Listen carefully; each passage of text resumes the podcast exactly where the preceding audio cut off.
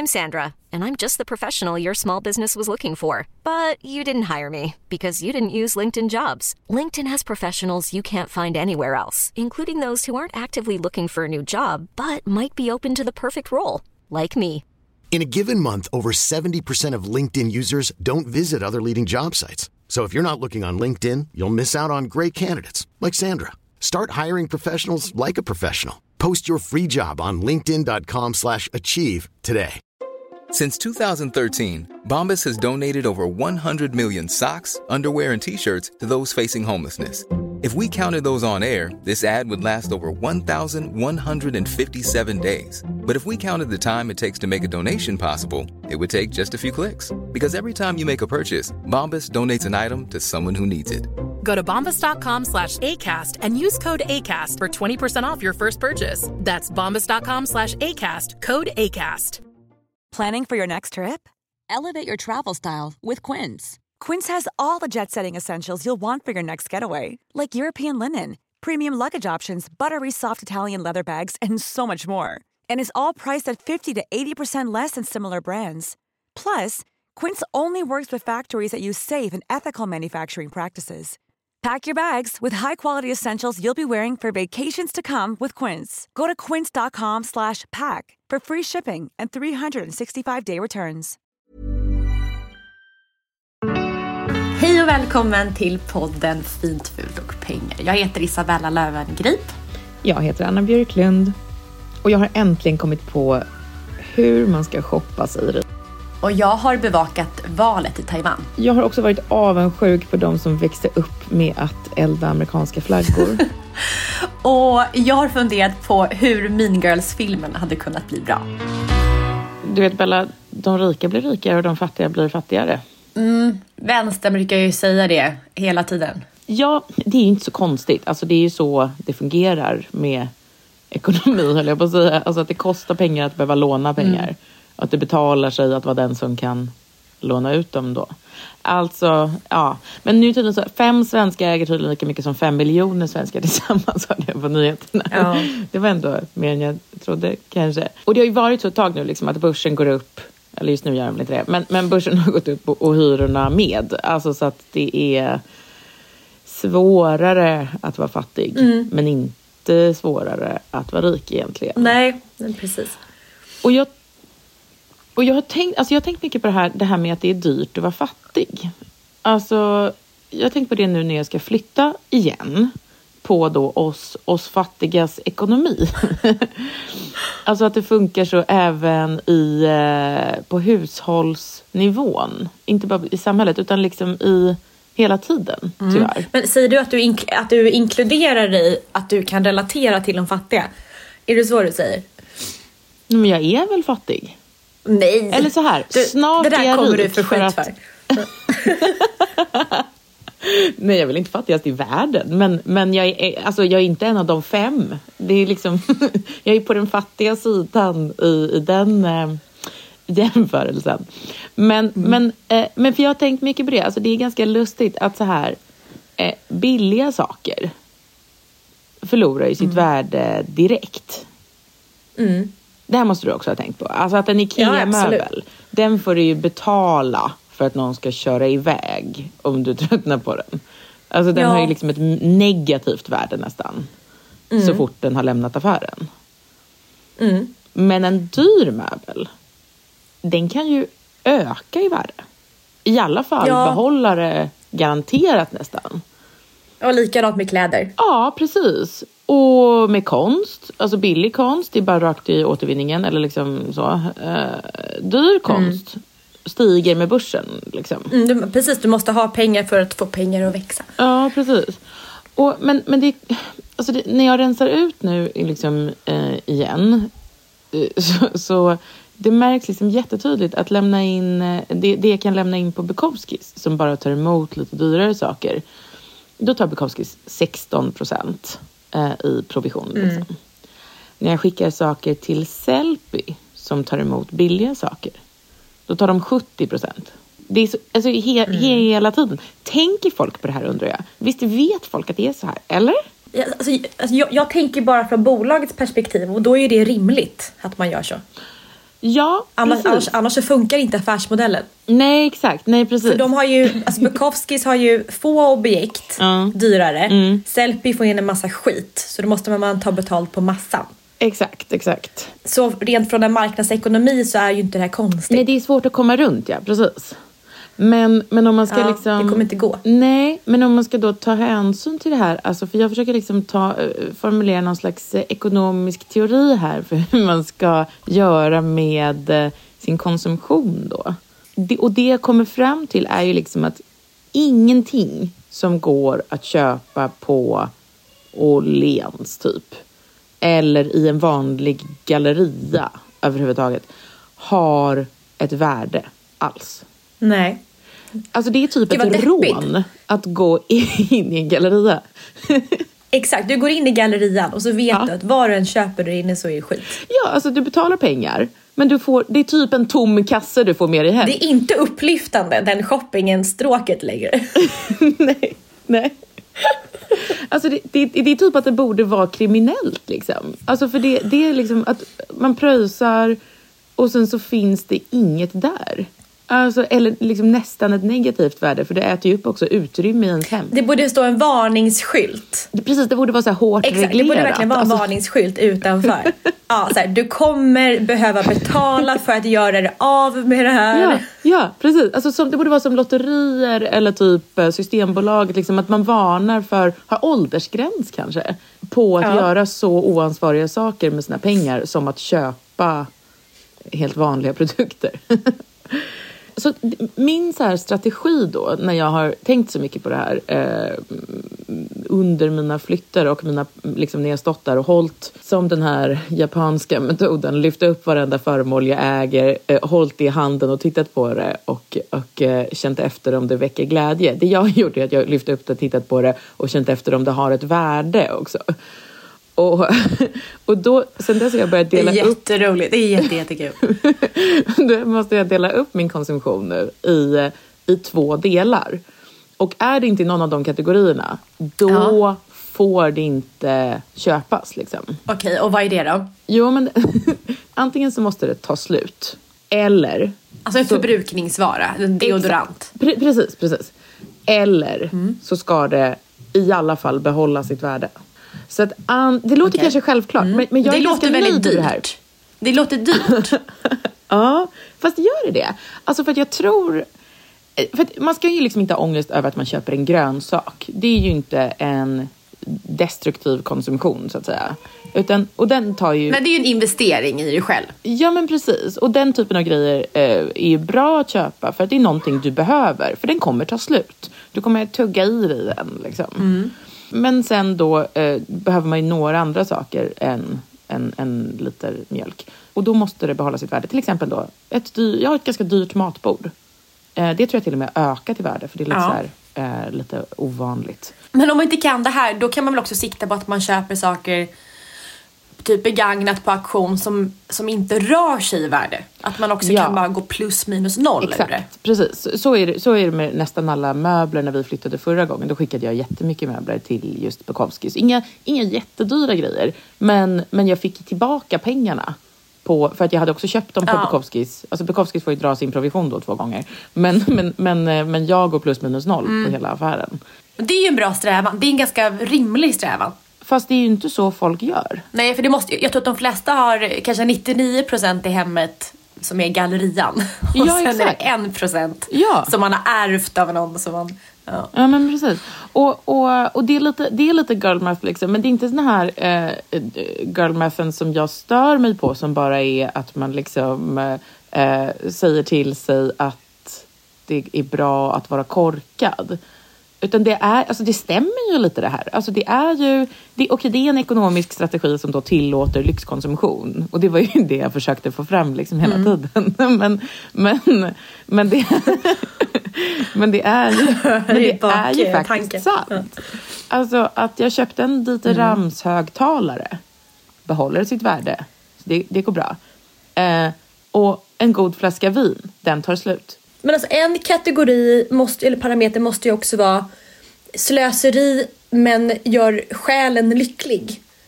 Alltså till exempel som att köpa en, en dyr kräm som tar slut. Tar den slut, En kräm tar den slut så är det behöver okej. ju. Tar den slut så är det okej, Bella. det är en perfekt teori det här alltså. För allt du behöver ryms. Men det som det sållar bort, det är ju just så här att gå in och köpa en tröja för 400 kronor. Det är omöjligt i den här teorin. Det får du inte göra för att det är ju att bara fylla ditt liv med eh, värdelösa saker. Du, Men, men det, det som framförallt händer med den här teorin att du Ja. får väldigt, alltså du har väldigt få saker hemma och Ja. du köper in ganska få. Så jag, Ja. det finns ju en jättebra poäng för liksom globalt sett också, inte bara för din egen plånbok. Eller hur? Alltså jag tycker att det här är helt vattentätt. Mm, Jag gillar den här teorin. Tack snälla. Du kanske blir liksom känd för den här globalt. Att, Alltså hade jag skrivit ner här, den... har du, tänk som Björklund. Ja, ja, ja, precis. Tar det slut så är det okej. Eller, jag börjat, alltså de, enda skor... Men de enda skor du får köpa, det är alltså sådana som du kommer nöta till slut. Mm, dina- jag, jag, jag tyckte det här var klokt. Tyck, Eller hur? Ja, jag gillar det här. Mm. Ja. Det svåra är ju då, ja men eh, en, en pläd. Det är svårt. Det kanske inte går att ha en pläd Ja. då, för den kommer inte behålla sitt värde. Den kommer inte gå att sälja den pläden. Nej men det finns mycket som faller under den kategorin. Det är inte många som köper begagnade bestick kanske. Mm. Eller skulle du kunna göra det? Eh, jag har faktiskt gjort, mina, våra förra bestick var köpta på auktion. Ja, vardagsbestick. Ja, men de, ehm, nu har de tagit slut i och för sig för att de var i eh, mässing. Det var Sigvard Bernadottes eh, Scanline-serie om någon är intresserad av att veta vilka bestick vi hade. Innan då eh, jag fattade det här beslutet om våra nya. Nej men de hade vi köpt på auktion. Men de, eftersom de var i mässing så bröts de ju av allihop. Så att de tog slut till slut. Ja. Men, men det finns ett stort eh, problem i det här. Är att, eh, för, för din, din tes är på något sätt att det här blir mer, gör man så här så blir det mer jämställt och klyftan minskar. Men alltså problemet är att du måste också ha, ha Ja precis, att vi fattiga blir lite rikare om vi börjar tänka så här. Exakt, men problemet är att du behöver ju också kunskap kring inköpen. För de varumärkena som du har nämnt bara nu i det här poddavsnittet tror jag att en vanlig liksom, medelklass, arbetarklass inte känner till. Så att, att veta när man är på Bukowski, spot on, den här kommer öka i värde, den här kommer inte öka i värde. Och där har vi, det, ju- det ju just den här bristande kunskapen kring rätt inköp. Där blir det ändå en, ett glapp ändå. Det har du ju kanske rätt i, ja. Men är inte folk, alltså är inte folk som jag, jag tänker alltid att alla är som jag, men att man liksom, att lägga Nej. research på att kolla upp vad man ska köpa, att det är nästan roligare än att faktiskt köpa det. Eller? Ja, men nej, jag, jag tillhör den kategorin som inte hade kunnat det. Alltså Paul kan gå in på Bukowskis och bara så här, ah, men den här kommer höja i värdet. Så han gör ju så, han köper ju grejer som han vet har, har ett värde, även konst. Jag har inte den erfarenheten. Jag kan plocka, ja men den här eh, Pauls en lampa, det är så små grejer som jag kan känna till. Men, men jag har väldigt svårt för att kunna bygga en strategi på då, Ja. då får jag gå på typ Chanel, du vet sån extremt kommersiella varumärken och då kommer man ju upp på en prisnivå som inte är rimlig. Ja, det är sant. Men för jag har inte heller så att, att jag liksom Jag har ingen kunskap kring vilket bord som ökar i värde. Nej. Nej, där hade jag nog lite tur att jag råkade köpa det på en sån liten auktionssajt där man kan så här hitta någonting som, eh, något, här, något konstigt liksom. Men, eh, men, nej, men för jag, jag har liksom inte tanken att saker ska öka i värde. Typ så att om jag köper en tavla så att jag tänker att jag vet att den kommer vara mer värd. För det tror jag liksom är så jävla, alltså det, det tror jag in, nästan Ja, det är ingen vet. Eller hur? Nej men precis. Det, det är liksom... Nej men det är ju som med aktier. Ja, exakt. Man, man, måste, man måste ha insiderinformation för att kunna göra en bra affär.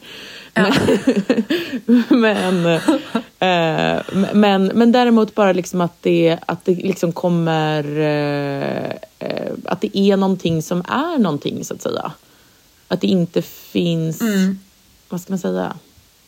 Och då är, då är grundregeln är lite att man kanske köper det på andrahandsmarknaden Ja. och man köper Exakt. det hyfsat dyrt på andrahandsmarknaden för då vet man att det går att sälja hyfsat dyrt också. Exakt. Det är Har lite så man precis, får, det det istället för att leta med- efter ett klipp. Exakt, det är, där, det är därför, alltså jag, för jag köper ju väldigt mycket i andra hand också. För då jag tänker att om det har sålts i andra hand en gång, då lär det ju hålla till en gång Mm. till. Liksom. Ehm, Ja, verkligen. Mm. Nej, men verkligen. att det... Men Jag, jag gillar din teori och ditt tankesätt eh, och jag kan verkligen se mig själv applicera det här mer i min vardag. Mm. Alltså verkligen. Jag, det här blev lite så här wake-up call för mig. Vad vad bra. Tack. Och då kan du unna dig, du kan fortfarande ta en god kräm, en god flaska vin, en Mm. god olivolja. Får du, du, kan, du kan liksom, du får styra din lyxkonsumtion lite bara så att den hamnar på saker som tar slut eller behåller sitt värde. Varsågod. Gud vad jobbigt det här känns. Nej, men för, för nu, just nu så sitter jag i min sons rum Ja. där det är mycket så här plast Ja, och skit. Ja. Så, Ja, men ja, det är så jag får lite ångest nu. Men jag ska verkligen applicera det här framöver. Jag, jag, har faktiskt försökt, jag försökte till och med köpa så här eh, overaller. Eh, för jag, de har jag också köpt, eh, jag köper nästan allting till barnen begagnat också. Så jag köper aldrig köpt ett par nya skor till dem. Utan jag köper så här fina skor men eh, på Tradera typ. Jättebra. Eh, ja, eh, men, men då har jag till och med börjat försöka tänka att de ska behålla sitt värde. Eh, alltså barnens vinteroveraller och sådär. Eh, där, jag har nog fått inse att vissa grejer kanske tar slut även där. Men eh, ja, Ja men det är klart, det håller ju inte allt. Men, men kan man göra det till 80% så får ju det jätteskillnad på plånboken i slutändan. exakt. Ja, nej, men jag gillade det här. Det här var, ja, nej, men du kan nog bli världskänd på den här teorin. Du måste bara döpa den till något annat. I helgen som var så blev det ju klart vem som ska ta över eh, president och styra Taiwan. Var, var, eh, har du koll på det här nu? Valen i Asien? Hjälp. Nej men just för att det är ju så känsligt mellan men det, det här geopolitiska dramat mellan Kina, USA och Taiwan. Och, och jag tycker att det är intressant för oss och, och eller det viktigaste för oss i Sverige att veta är egentligen Får Kina mer eller mindre makt i världen? För det påverkar oss. Det var glad jag blir att eh, du eh, håller koll på detta åt oss då. Får Kina mer eller mindre makt då i och med detta? Eh, Och det är det som är så himla bra. För de har ett, ett parti som heter DPP. Eh, som är då ett parti som är mycket mer för liksom, eh, Taiwans, att de ska vara mer oberoende från Kina. Och de här satt också i, i åtta år innan. Så det här, det här får de liksom nästa mandatperiod och den förra presidenten var faktiskt en kvinna i åtta år. Så det är väldigt coolt. Och det som har varit då intressant är att de har egentligen tre partier men, men de två stora så är det, vi har ett konservativt parti i Taiwan som vill att Taiwan ska ha en bättre relation med Kina och att man inte alls behöver vara lika självständig. Det är lite de som har mer pengar, ja, men lite äldre. Är det liksom Ja, av ekonomiska människor. intressen kanske? Eller att man tänker att... Ja.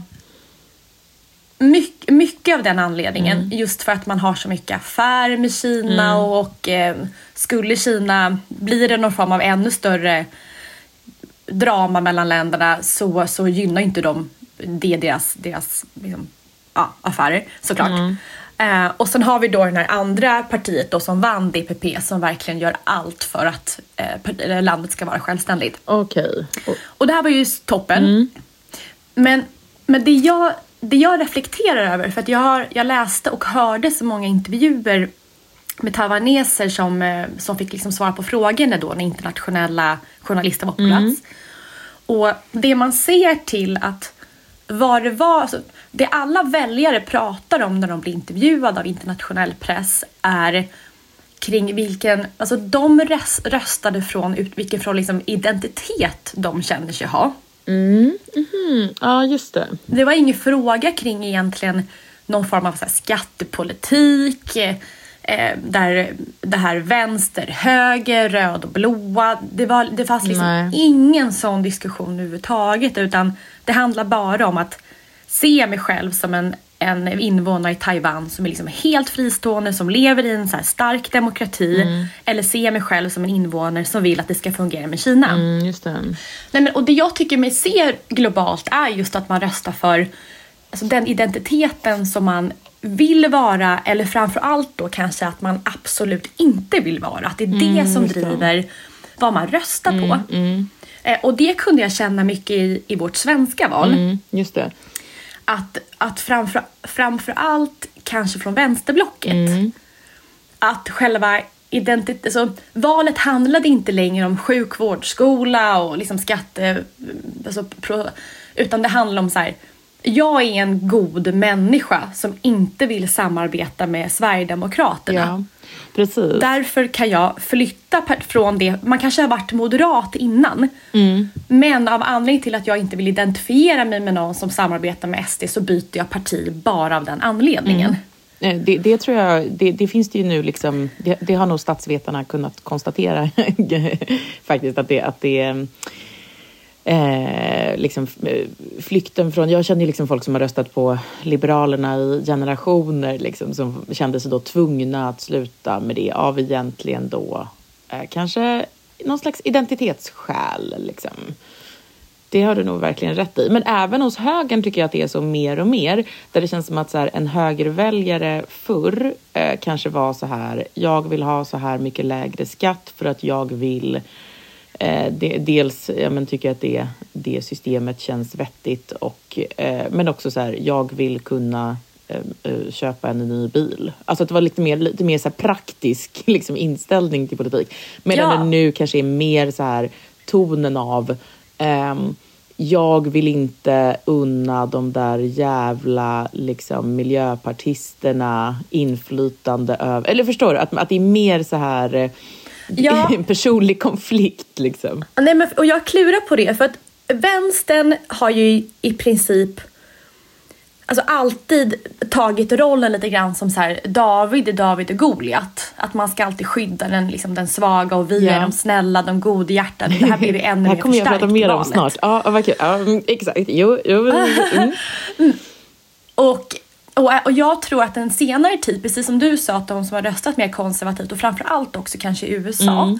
har var, istället för att prata om de personliga vinningarna så har man sagt så här, att vi är realister. Just det. Alltså vi ser vad som är på väg i vårt ja, samhälle. ja, exakt. Och vi är det parti som inte blundar, som vågar prata om obekväma saker. Precis. Och det tror jag också är identitet som många vill förknippa sig Mm. med. Så här, vi ser sanningen, vi röstar på Trump. Han är den enda som vågar ta liksom bladet ur munnen och säga hur det är, även fast det är obekvämt. Mm, just det. Jag har också börjat fundera på så här, vad, när jag röstar, att vad är det för identitet som jag vill uppnå? Mm. För jag, jag kan inte känna igen mig att, att, att nu ska vi liksom slåss mot mörka bruna krafter som tar över. Absolut inte. Men jag kan heller inte identifiera mig med att liksom upp till kamp, att vi kan inte ha det så här med kriminaliteten. Nu jäklar ska vi liksom göra ändring på det här. Men du känns ju ganska praktisk i ditt röstande, eller Ja. hur? Du är ganska Ja. okulturkrigig. Ja, men exa- ja, det var lite det jag landade i och då tänkte jag att är det här, säger jag så för att jag har dålig självinsikt? Att alla människor skulle säga så här om sig själva, att man egentligen bara röstar för jag är bara rationell. att- Eller jag är... Ja men exakt. För jag, jag tror att man... Nej men jag tror att alla människor som röstar utifrån en identitet inte är medvetna om att man röstar från en identitet. Att man ser bara så här, en självklarhet kring att i USA så handlar det om yttrandefrihet. Ska vi gå mot ett öppet samhälle eller ska vi gå mot ett stängt samhälle?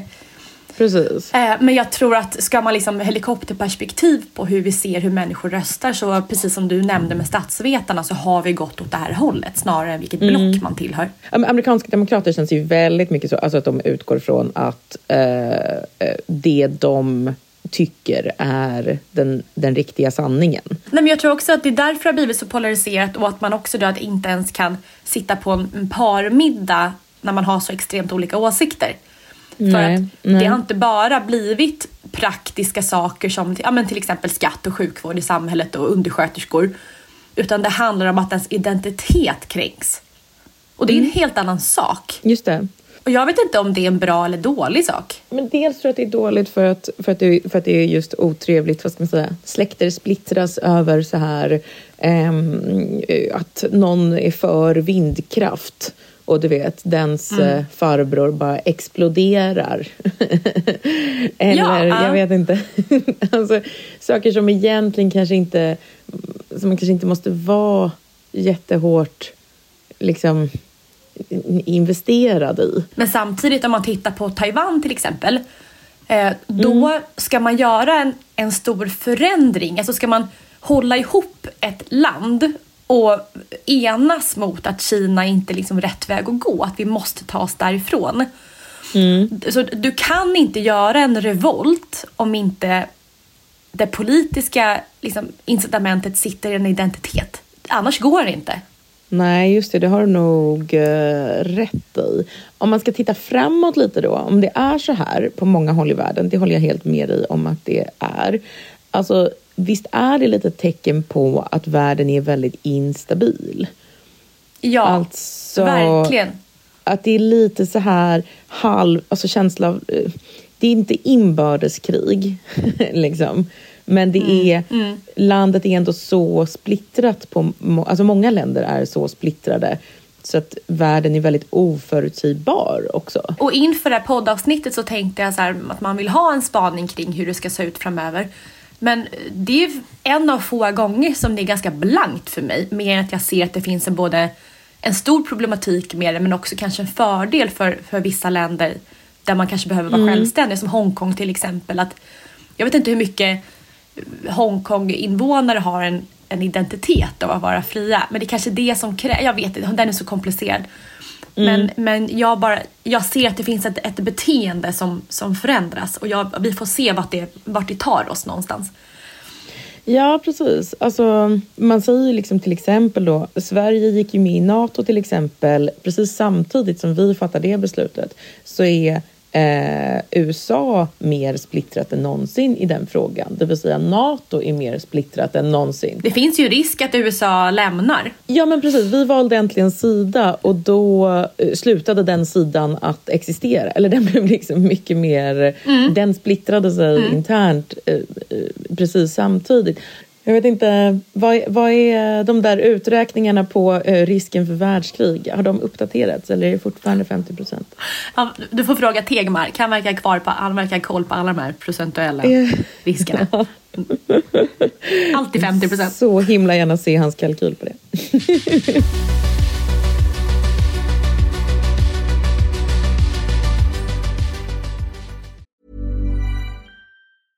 Hiring for your small business? If you're not looking for professionals on LinkedIn, you're looking in the wrong place. That's like looking for your car keys in a fish tank. LinkedIn helps you hire professionals you can't find anywhere else, even those who aren't actively searching for a new job but might be open to the perfect role. In a given month, over 70% of LinkedIn users don't even visit other leading job sites. So start looking in the right place. With LinkedIn, you can hire professionals like a professional. Post your free job on linkedin.com slash achieve today. Since 2013, Bombas has donated over 100 million socks, underwear, and t shirts to those facing homelessness.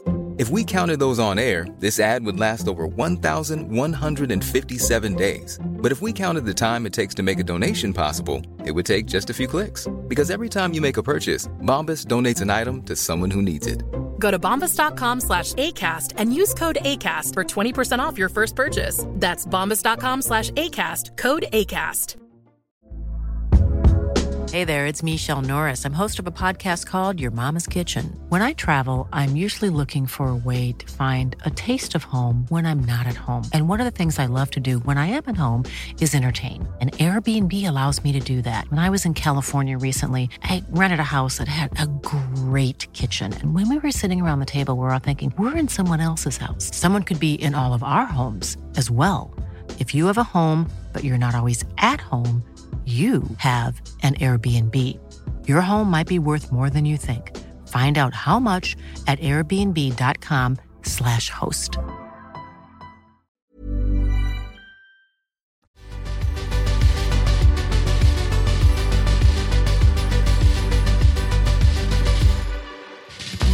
Vad säger du om jag säger Göteborgskravallerna? Att jag inte kommer ihåg så mycket av det. Nej, eller hur? Inte jag heller. Vi var ju inte så himla gamla. Men man minns typ gatsten. Ja, maskerade, svartklädda dårar typ. Poliser som försöker skydda allt vad de kan. Att, att det reste dit liksom något pack för att typ slåss och ha sönder skyltfönster. Så kom jag ihåg det som att det pratades om. Det är liksom det som historien minns känns det som. Jag kommer inte ihåg riktigt syftet av det. Det var någonting med Parisavtal, men mer än så vet Nej. jag inte. Det borde jag kanske hålla koll på. Alltså det var liksom ett EU-toppmöte Ja. ehm, som Sverige var värd för då. Gö- Göran Persson var, var jättestolt och glad. och George Bush skulle dessutom komma dit, så det var liksom lite eh, extra. Så. Och ehm, jag såg, eh, men jag minns liksom inte så mycket. Och så såg jag eh, SVT-dokumentären På Hvitfeldtska bodde vi. Som handlar om, det är, liksom, det är en fotograf som var där när han var 20. Eh, som dels har gjort den här filmen, filmen och, och eh, använt sina egna bilder som han tog då. Och sen sökt upp liksom de som eh, är med på bilderna och som också var där, som han träffade där. Liksom. Eh, Och det var människor som stred. eh, Nej men alltså, nu ska jag berätta hur det gick till. För jag, det, jag hade ingen aning. Alltså jag, jag hade ingen aning om att, att det gick till så här överhuvudtaget. För att vi var inte eh, där liksom. Men, men för jag fattade inte, vad då Hvitfeldtska? Alltså Hvitfeldtska, det är ju så här, ett gymnasium eller en skola. En jättestor och gammal skola som, alltså jag skulle säga att det är typ Göteborgs Östra Real. Göteborgare får rätta mig, men typ liksom. Eh, en stor fin skola i innerstan liksom. Och den, eh, det, då hade så här, Göteborgs stad fixat eh, den som lokal, för det hade precis blivit sommarlov. Liksom. Men den skulle då vara lokal för folk som ville demonstrera när det var då det här EU-toppmötet och Bush skulle komma. Eh, för på den tiden så var då att vara liksom demonstrant eller så här aktivist eller intresserad av demokrati. Det var liksom en ganska vanlig hobby som folk hade. Men vilket år är det här? Och det här är 2001. Ja. Så det är liksom precis så här, de flesta har inte mobiltelefon. Nej. Liksom. Och det är före liksom Youtube, det är före, det är liksom en, en helt annan tid. Mm. Ehm, och eh, då var det liksom så att ja, men kommuner fixade liksom lokaler åt dem. Alltså precis som att kommuner fixar lokaler om någon som kanske vill ha en kör. Mm. Eller du vet. Alltså det, är så här, aha, ni brukar ses på fri, fritiden och så här, elda upp amerikanska flaggor. Ja men det är klart ni ska ha någonstans att sova. Så, så, så gick det liksom till. Att man, att man sov i, i liksom gympasalar och så. Och, och det intressanta var, alltså min man är precis i den här generationen. Alltså han var också 20 eh, år, eh, år 2001, eller 19. Eh, och, men han ty tyckte att politik var töntigt då. Men jag kunde se sen några av hans kompisar var liksom med i, i den här filmen. Eh, och, och, han, och han berättade också att han sov i någon så här gympasal i Östermalmsskolan när han åkte till Stockholm på jazzfestival, typ samma sommar kanske. Att det var liksom Men så gud. folk gjorde då. Ja, ja. Jaha. Ja, alltså, och jag antar att det var så om man var typ orienterare eller längdskidåkare också, att man samlades ibland i en gympasal och så sov man där. Och, och visst är det helt sjukt för vår Ja, generation? ja. Men, men frågan är varför, varför man slutade med det.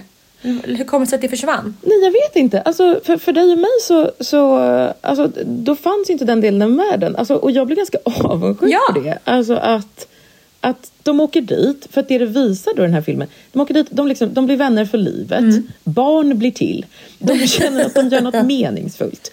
De, vilket är då att bränna en amerikansk flagga. Men, och de har, alltså det verkar jättekul. Och, och, och, och de, eh, liksom, alltså de är lite dumma kanske, alltså på ett sätt. För de, för de inbillar sig att det de gör är då mega, mega viktigt. Liksom. Men, men samtidigt så här, det vår generation åkte i, gjorde i samma ålder, det var ju kanske så att åka till Way Out West eh, och bo på hotell, inte i en gympasal, köpa jättedyra öl, eh, eh, köpa kokain, fota sin outfit och sen åka Ja, hem ja, ja. igen. Typ. Det är en helt annan... Idag, jag, jag tror inte någon hade velat bo i en gympasal. Eh, För, för hur gamla är de, de här personerna som, som är de, det är vuxna män eller det är äldre tonåringar som, Ja, men, som nyttjar det här. Alltså det är folk som från så här olika organisationer som är där för att de ska anordna seminarier. Och de har olika Eh, alltså, eh, de, de, de håller på grejer med sina små föreningar och, och, och så. Men det är också typ en fest. Fast festen är då inte att eh, supa eller knarka. Eller liksom, det är kanske någon som dricker någon öl. Jag vet inte. Men, det är liksom, men det är ett sätt att umgås och umgås så här med det andra könet också. Jag fattar. Alltså det måste ju vara... Men en fördom då? Mm. Är varje gång som människor möts och sover i en sån här liknande lokal och strider mot någonting, är det Mm. alltid fråga, eller min fördom är att det är mer vänsterfrågor, att det är mer vänstermänniskor som samlas och sover i sovsäckar. Ja, absolut. För jag, jag tror inte att muffare skulle göra det. Säkert inte. Men, men muffarna åkte ju säkert då på... De kanske åkte på... Ja, vi har gjort det. Men kanske inte jazzfestivalen. Nej, för vi har ju rest, jag har gjort massa grejer med andra Ehm. muffar, men, men vi är mycket mer bekväma. Och, och, Ja. och vi, vi står ju inte med, med plakat och är arga. Men jag tänker att den typen av människor hade säkert något liknande alltså på den här tiden. då. De kanske var eh, just sov i en gympasal med sin kör eller sin, Mm. Ja, ja. Sitt, sitt, eh, sitt fotbollslag eller eh, de kanske åkte på Gothia Cup. Jag vet inte. Ja, jag fattar, okej, så det är Men- inte men bara typen politiskt, jag av- förstår. Mm. Nej, exakt. Men de här har då istället för typ eh, sport eller kultur så har de den här sättet, det här sättet att umgås som är då att, att vara, vara aktivister bara. Liksom. Mm, jag fattar. Och de åker runt, liksom. vissa verkar ha det, det är deras livsstil, liksom, att de åker runt mellan olika såna här ställen. Demonstrerar för lite olika saker. De åker ner till, tar tåget till Tyskland och demonstrerar lite där. Och sen åker de till, alltså det är liksom så de gör bara. Ehm, Så du menar att det här med, Och- med de här kravallerna, att det kanske snarare var att, att, att det var så? Att man demonstrerade just för att det var kanske mer än en Ja. hobby än vad det var mer en åsikt kanske? Eller? Precis. Ja men exakt, så lite så här i gränslandet mellan livsstil Ja. och, eh, och att faktiskt liksom eh, ha en, en politisk uppfattning och sådär. Att det är, liksom, det är ganska mycket en social grej, att man tycker att det är skojigt. Men, men det som... Alltså, ja, men, känslan jag fick när jag såg den här dokumentären var liksom att jag gått runt och undrat så här, vad det är vår generation saknat. Och så såg jag det här och bara, jaha, alltså det var det här. Det var typ Göteborgskravallerna som jag hade behövt när jag var 19. Och istället så fick jag liksom... jag vet inte. Ehm, men, men sen så lärde jag mig också då alltså att, eh, att det var eh, hur, det, hur, det, hur det gick till själva kravallerna. Och det kanske, alltså, för de kommer dit och det är juni. En del har här, tagit studenten dagen innan. Någon cyklar dit från Stockholm. Några är så här 15 år gamla men vissa är så här företrädare för en stor organisation och ska, ska eh, du vet, jobbar med miljöpolitik typ. Ehm, och så, ehm, men men det, de, det första som händer när de här då ganska gulliga ungdomarna utan mobiltelefoner, de flesta, kommer till Hvitfeldtska är att, att polisen de beskriver det som att polisen var väldigt taggade. För att precis som att de åker runt och demonstrerar så är polisen också van vid att ha konfrontationer med de här demonstranterna. Ja, Alltså exakt. Det fanns- det var mer det, det, är som, det är som huliganer. två fotbollslag. Typ. Ja men det är lite så för att för Mm. jag träffar, eh, det var någon gång så sprang jag på så här huligan och poliser och de sa att det är lite av en, inte ett nöje, men vi, vi alla känner igen varandra. Det finns en, en, nej, men det finns en relation som har uppstått. Så det måste ju varit lite Ja, samma där. just det, just det. Men, Precis. Mm. men är inte det också, jag tänkte på skillnaden att det var så, så liksom, ja, men fokuserat där gentemot idag. Att, att idag finns det så många frågor att strida över om man vill. Det går liksom inte att samlas. Nej, kan, men här är det så här, alltså det är liksom 20 000 pers som samlas på Avenyn sen lite senare och det, och det är verkligen så här, och det, det är då det liksom blir, eh, spårar ur lite. Men, men det känns inte som att det är så här frågorna i sig. I efterhand, det är så här, alla de man intervjuar, ingen pratar om vad de faktiskt ville förändra. Nej. Eller liksom Nej, men exakt. vad själva syftet Ja. var. Men det Utan de bara gillar inte Bush. Alltså det är ganska så här luddigt liksom. Mm. Ehm, Men däremot det som alla minns, det är just alltså stämningen, sättet man, sättet man umgicks och sättet man ehm, liksom är mot varann. Att de verkar ha det väldigt mysigt. Alltså, Mm. ehm, och Men jag, i brist Det- det- på annat. Jag tror verkligen att det har med det att göra. Att när man väl ser, för jag har ett, Mm. ett säkerhetsbolag som hela tiden hör av sig till mig att så här, gå inte dit för den här ambassaden, det finns jättemycket ambassader på Lidingö. Och att akta dig i de här gatorna Mm, för nu ska det liksom vara strejk där eller vad det är. Eh, demonstranter. Just Men, det. och det är väldigt få människor men att det är snarare kanske väldigt pålästa människor som står där. Att det är kanske är det som har ändrats. Ja, alltså precis, en demonstration nu, alltså det är ju, oftast är det ju bara typ ett gäng dårar. Alltså Ja. det är inte alls det här. Det är kanske tio här personer som står där. Exakt. Det, det, som, det som händer i alla fall när de är på Hvitfeldtska, det är nästan det första som händer, liksom, de har bara kommit dit och ätit frukost de flesta. Eh, och det är att, att eh, man börjar ställa så här, containrar runt hela skolan. Och det är en jättestor skola, alltså som en mur. Eh, så att de har liksom planerat det, att Göteborgs stad har så här, eh, bjudit dit dem, så här, här kan ni sova. Och sen så det första som händer när de kommer dit är att de börjar eh, låsa in dem. Liksom. Ehm, och de har inte hunnit elda en enda amerikansk flagga än, tror jag. Eh, kanske någon. Men, men, men plötsligt står det liksom kravallpolis med sköldar och hundar och grejer vid alla utgångar. Och, och då börjar det liksom mullra här inne på skolan att de bara säger men gud vad ska vi göra? Liksom? Det, nu är vi, vi är inlåsta här och vissa är inte alls liksom, vana vid det, de som är 14 typ. Men, men, ehm, och det de gör då, det är också så gulligt. Det här hade jag också Ehm, liksom, det, här, det här har jag aldrig upplevt. Att då har de ett stormöte. För de är så demo, demokratiska och gulliga. Liksom. Så de, och, och då blir det så här, en, en jättelugn och så här behaglig och trevlig man tar på sig rollen som ledare. Inte som man tänker sig att det är så här, ja, men då är det någon så här kaxig vänsterkille som bara liksom, sen kommer uh, volta alla tjejer så fort solen går ner. eh, Liksom. Utan nej, det är liksom en jätte mysig kille som är så här, bara, nej, men nu ska vi vara förnuftiga här och inte hetsa upp och som liksom står och fördelar ordet och, och snackar med alla och liksom ehm, ja, men lugnar ner stämningen och så liksom gör, lägger de upp en strategi. Alltså det är som typ att de det är som att de leker röda och vita rosen fast det är lite mer på riktigt. Förstår du? Det är så gulligt. Och det här stött på nedvärderande mot deras kamp. Det här var ju säkert jätteviktigt för dem. Ja, men, det är, men de är också så liksom inlåsta på riktigt av snutar. Liksom.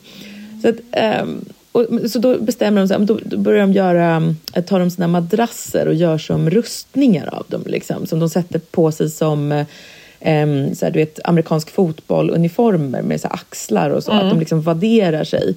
Och så går de bara liksom mot poliserna då, liksom lugnt och utan vapen, liksom, utan bara går med sina madrasser så här, som de har framför sig. Ehm, och så blir de ju då råspöade liksom. Ehm, och nerridna av hästar eh, och eh, sådär när de bara försöker komma ut då från den här gymnasieskolan där de är inlåsta. Och då, det som händer sen då är att konflikten liksom trappas upp för polisen gör så många övertramp där då.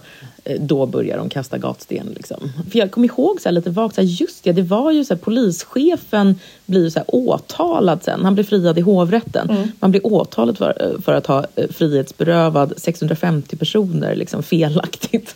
Ja. Eh, så det var liksom, polisen hanterade det inte så himla bra. Men eh, jag blev framförallt avundsjuk på människor som är alltså bara tio år äldre än du och jag. Som hade ett så himla trevligt sätt att umgås.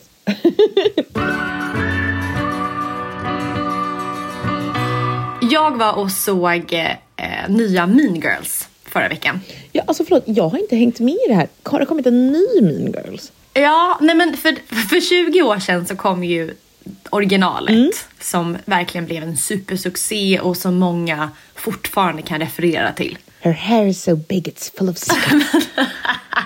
Ja, du kan de här. Eh, mean Girls kan jag eh, absolut. Jag säger fortfarande till mina barn eh, såhär, get in losers skriker jag när de, jag vill att de ska hoppa in i bilen. Men sen gick det i alla fall en, en Broadway-show som blev jättepopulär. Och nu har de då filmatiserat den här Broadway-showen. Ja, så det är ytterligare en sån reboot liksom av en, någon, eh, en, en liksom mimig eh, populärkulturell grej. Ja, och sen, men man märker också att de har anpassat sig. För att i första filmen när nya kvinnan eller tjejen kommer in och ska liksom sätta sig någonstans i matsalen. Så säger de ju så här, där är det asian people. De, de nämner mycket så här etniciteter. Nu är det inga asians längre utan nu är det bara ja, konstintresserade musiker. Ja, lite just den typen som är lite mer snäpp. Men jag måste säga att jag, jag är så, så filmen vandrar upp på upptrampade stigar. Alltså det finns ingenting nytt. Nej. Eh, ingenting som är liksom relevant i vår tid. Jag fick... Alltså, ja. men jag, det, det, kanske, det kanske handlar om vad man har för förväntningar. Och ska man bara se det som en kul grej 20 år senare kanske. Men jag kände att den gav mig, den gav mig ingenting. Jag ville liksom gå därifrån. Men gud, gud vad tråkigt. Men alltså, får jag fråga, vågar den vara... Eh, alltså mycket av, alltså allting som är kul i den första Mean Girls-filmen är ju kul för att det är elakt. Det är ju liksom hela grejen med den filmen. Det är, hela, det är liksom titeln, det är hela stämningen. Det är det som är liksom... Eh, den typen av tjejkultur som den handlar om är ju elak. Men, och det är ju väldigt, eh, vad ska mm. man säga, det är ju inte så poppis längre med elak tjejkultur. Exakt. Så då har de liksom tagit Exakt. bort elakheterna. Och det var det den föll på. Ja, för de kan ju inte göra en snäll mean de har mins... Det går liksom inte. Nej, men de har minskat på elakheterna. Uh. Men de, de behåller den här eh, smalhetsbiten, det här att man inte ska gå upp i vikt. Okay. Den finns ju också alltid okay. kvar hos uh, oss kvinnor. Uh. Så men jag kände precis exakt det du känner, att göra en film om kvinnlig elakhet eh, biter inte på samma sätt idag. För att vi har liksom kommit över det här. Vi, vi är medvetna om det, vi har hittat lösningar på hur man ska ta sig runt det. Ja. Vi har självkänsla som gör att man kan vända på klacken och gå. Eh, det är en helt annan attityd idag, ja, det, precis. Jag. Dels, alltså, det, det, skulle, det, det är svårt att göra en film om det också för att det är inte lika Um, alltså att, att Mean Girls är så liksom kultig och mimig är ju just också för att den är gammal kanske. Alltså för den skulle inte gå att göra, det går liksom ja. inte att göra den riktigt på samma sätt idag för att det, det är inte, okej okay, det finns tjejer som kan vara elaka mot varandra men det är inte liksom lika, det är inte socialt accepterat på samma sätt som det var förr heller. Nej. Det är det inte alls. Och det är, det är inget man fnissar åt heller kanske. Nej, men det finns en grej som gäller lika mycket idag som var för 20 år sedan mm. och som jag också kan se i andra serier som går och filmer. Det är det här att man som kvinna vill, alltså det blir kvinnor som hoppas på att bli valda av mm. männen. Ja, just det. Det är jättemycket också att hon går runt och hoppas på att någon ska titta på henne liksom i, i många månader. Ja, och sen är det en kille som, som, som vill ha, jag kan inte namnen, men som vill ha den här Regina. Mm. Och, eh, och hon är kär i honom så att hon hoppas bara att hon ska, liksom, han ska lämna henne och välja henne istället. Mm. Att det är hela tiden att vi går och hoppas på. Och det är så konstigt för att rent biologiskt så är det tvärtom. Det är vi kvinnor som väljer att vem vi ska bli befruktade av. Just det. Så det är någonting som krockar med varandra här. Mm.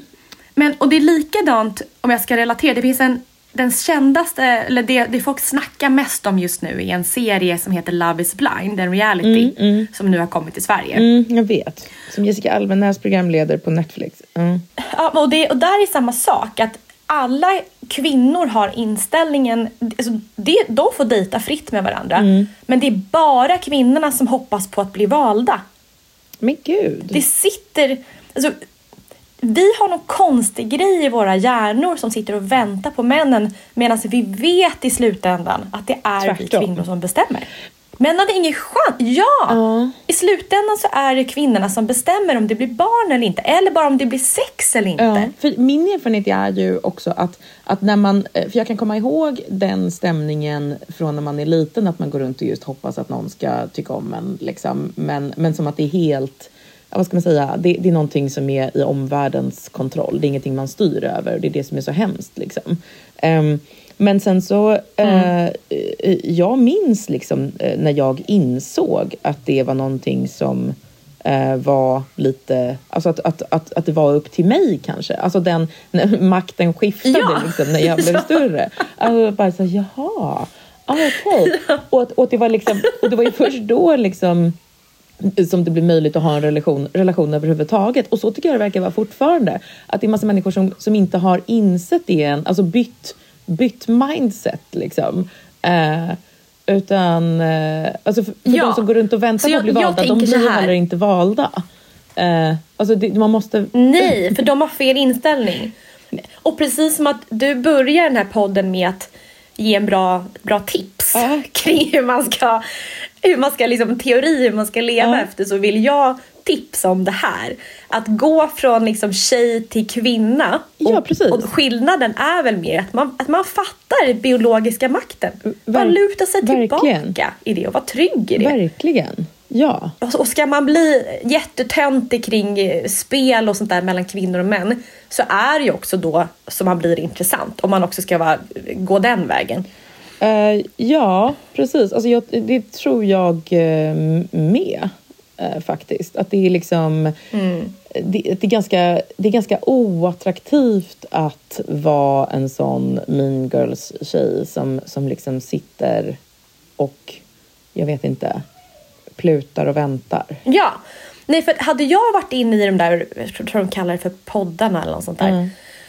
Eh, då hade jag gått in, jag hade varit världens charmigaste och trevliga men jag hade verkligen sett till ändra stämningen till att så här, ja men vad går du för då? Så här, berätta om dig. Hur kommer det sig att, ja men ha den inställningen och jag vill bara göra en sån påminnelse att jag har ändå varit majoriteten av den kvinna i livet där jag väljer. Och det handlar inte om att man sitter på en viss position eller utseende eller pengar. Det har liksom inte med det att göra utan det handlar om bara så här, vad man förmedlar. Ja. Och den attityden drar också till sig vettiga män. Exakt. Ja. Eh, För annars hamnar du bland de här loserna. eh, du, det här var fina linjen höll jag på att säga. Det här var fint fyllt av pengar. Mm, det var det. Och eh, ni kan höra oss varje torsdag som vanligt. Och nu behöver vi lite nya fina linjen-frågor. Skicka ett röstmemo till mig eller Bella i sociala medier eller på våra mejler. Det står i poddbeskrivningen. Tack snälla för att ni lyssnar. Vi tycker så mycket om er. Hej då. Hej då.